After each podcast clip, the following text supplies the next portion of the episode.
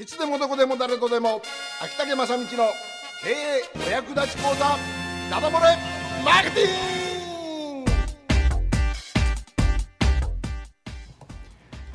はい時刻は6時を回りました、はい。F、FM 北九のスタジオから生放送でお届けしております、はい。関門独立共和国。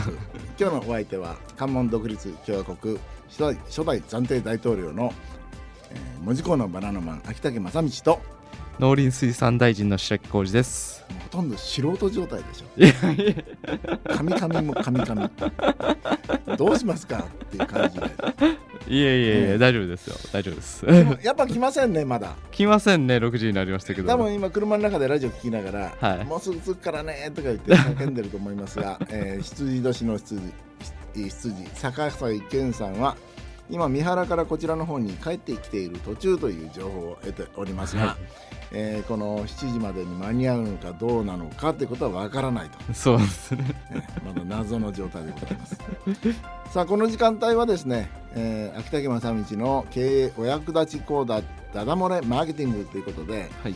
いよいよシーズン3に入りまして第2回目、はい。えーストーリーについてという講,、えー講座というか、はい。はい。えーシリーズになります、はい13回講座でやる予定で今回2回目っていうことですが、はいほとんどもうこのねあのストーリーについてはっていうことに関してはあのプログラムというかはい。ストーリーはないですよ どのように展開していくか分かりませんが、はい。まあ、経営お役立ち講座ということですが経営に本当に役の立つのかどうなのかは抜きにして、はい。えーストーリーですよやっぱりあのーなんと言いますか今はい。二極文化と言われておりまして、はい。はい。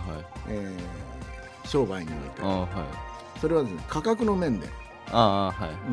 高単価と低単価はい。はい。ですね要するに二極文化はどういうことかと言いますと、はい極めて高く売ればよく売れるはい。はい。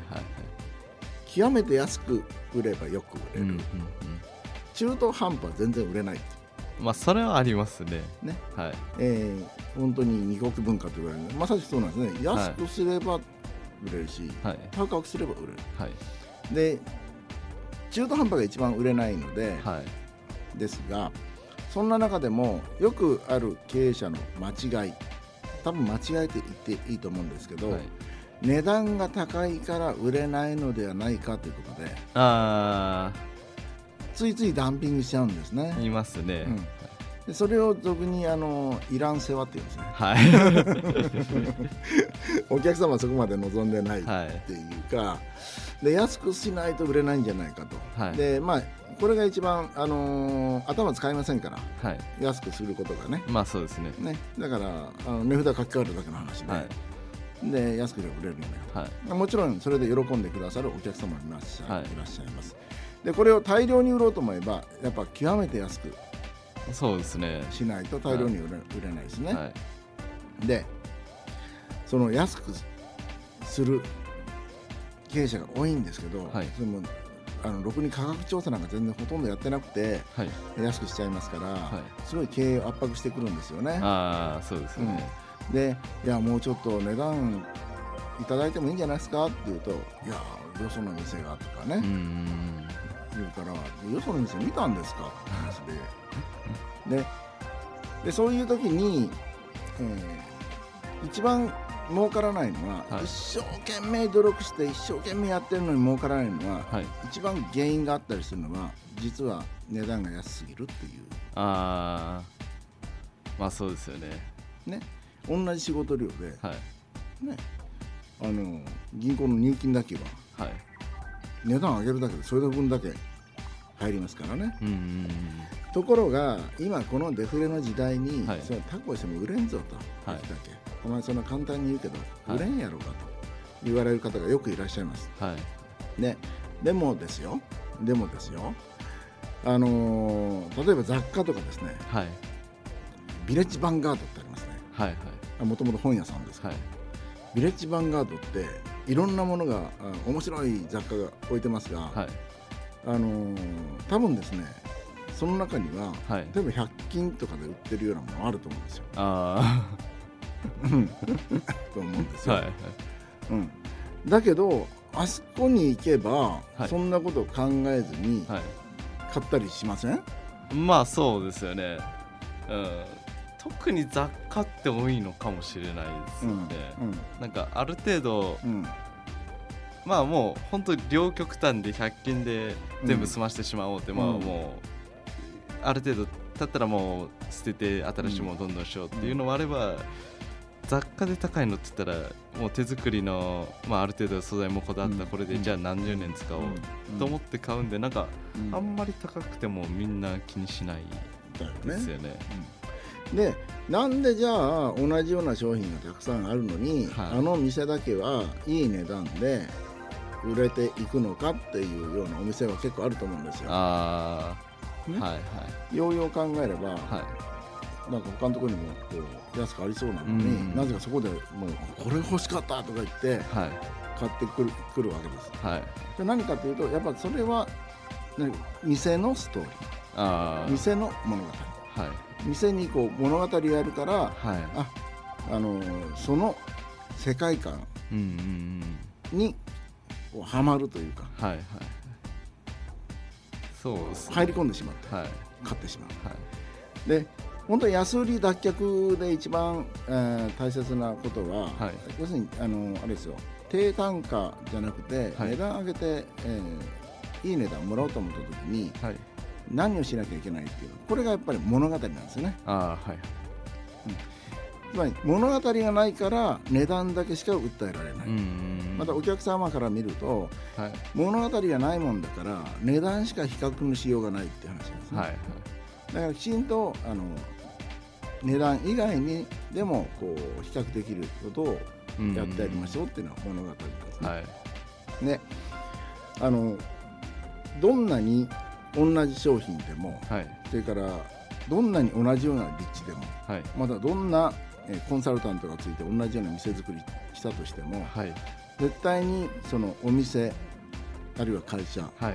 えー違うものがあります。はい。えーあまりいい質問じゃないから、はい。答えが出ないかもしれないけどもどんなに同じような会社であっても店であっても、絶対違うものがあります。それって何でしょうっていうことなんですけど、はい。でこれって要するに社長なんですよね。ああはい社長は絶対はい。あのいろんな個性のある人がはい。で絶対人それぞれ違うわけですよね、でまずは私はその社長の物語というものをしっかりストーリーとして作りましょうと、はいえーお勧めしています、はい。えーなぜこの商売を始めたのか。はい。それから、えーこの商売で何をやろうとしているのか、うんまあ、ミッションと言えるものかもしれませんし、はい。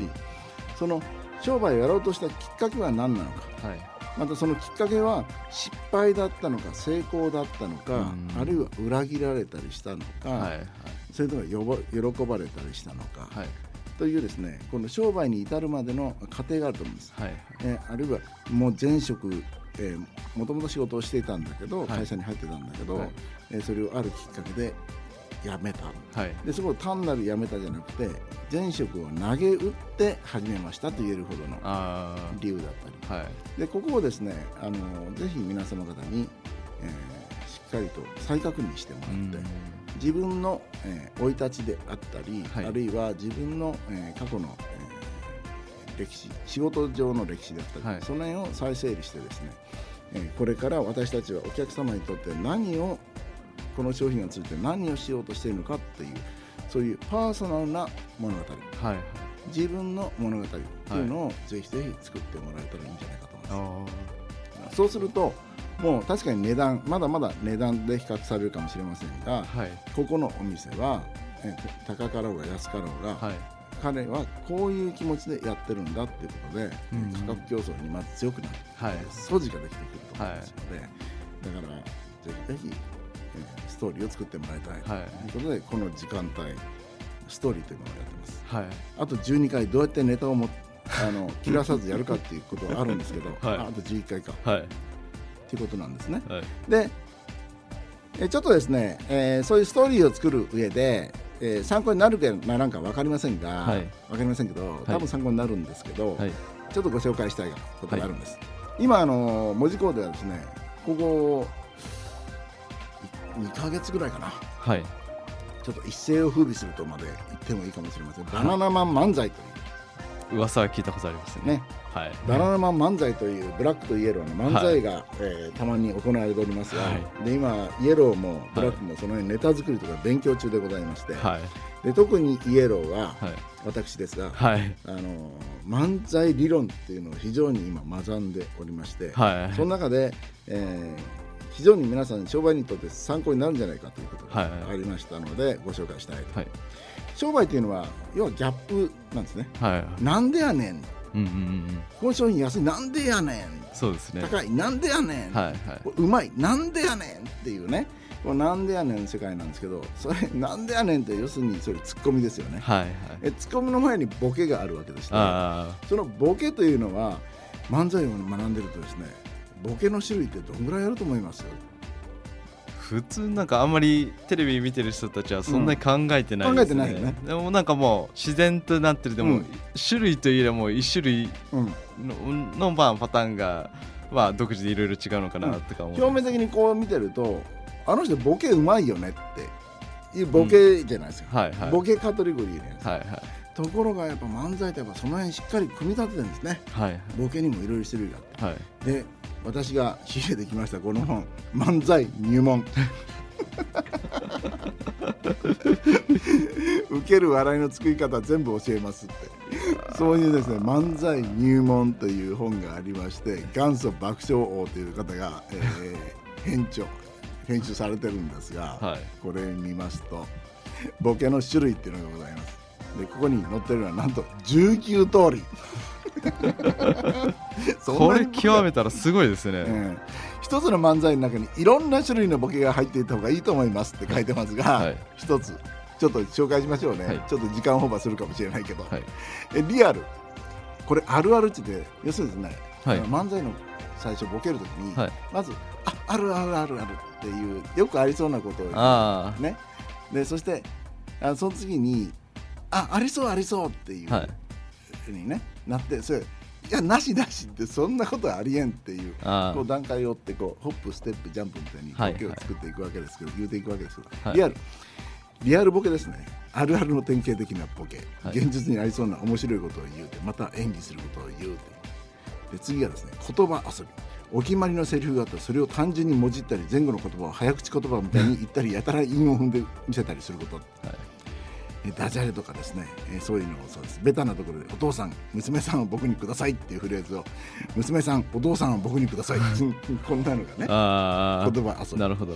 でもあとはですね言葉だけ言うときます。あタイトルあのタイトルとかね。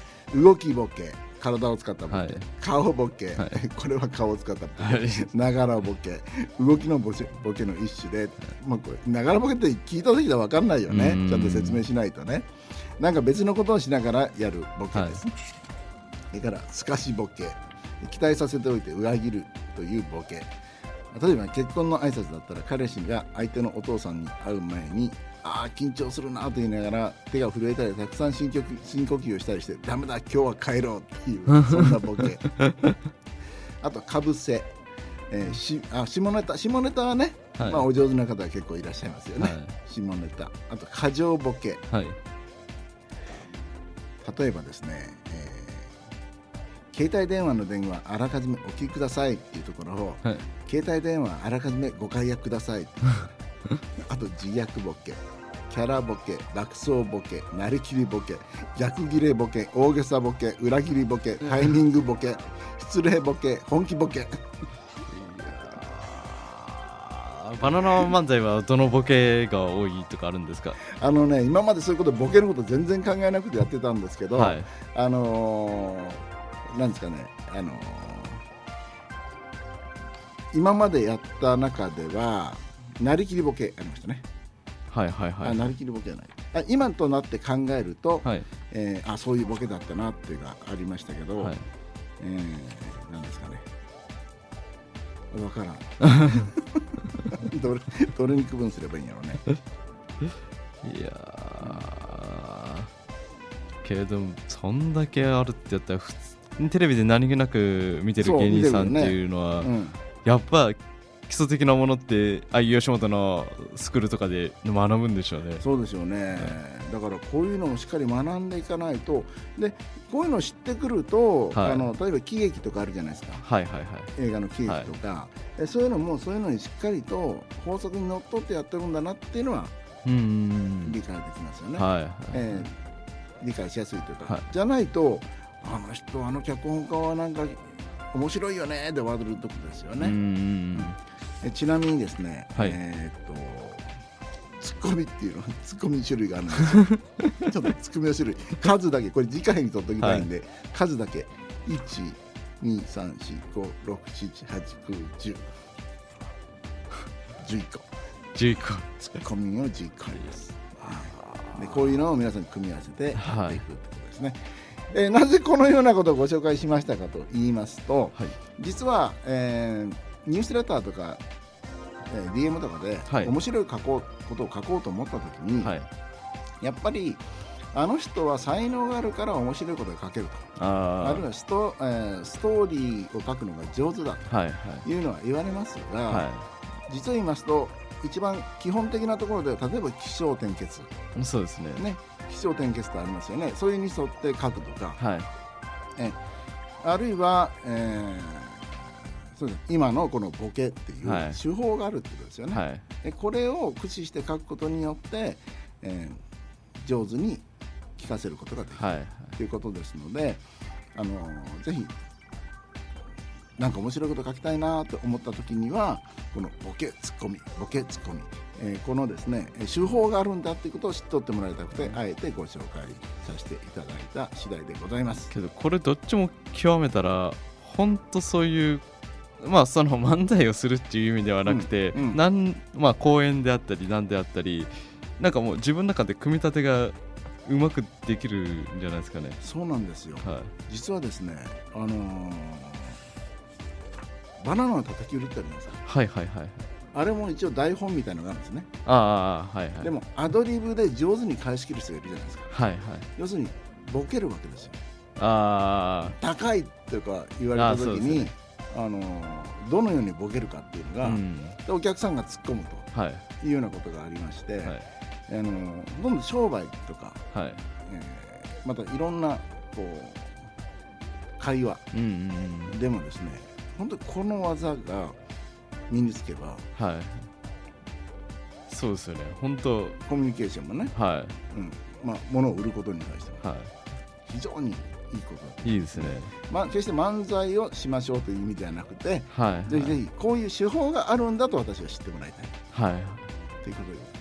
本当特に対面販売とかいいですよね絶対面白いですよ。ね絶対そこ繁盛します。よね、うんうん読みたくなったよ。いいですねそれは ただちょっとバナナマン漫才には加わるのはちょっとご遠慮します誘わないよ。ああよかったよかった ということで、えはい今日はちょっと漫才入門という本をご紹介しつつまずはご自分のパーソナルな物語を作ってみてはいかがでしょうかということでした秋竹正道のダダ漏れマーケティングのお時間でした。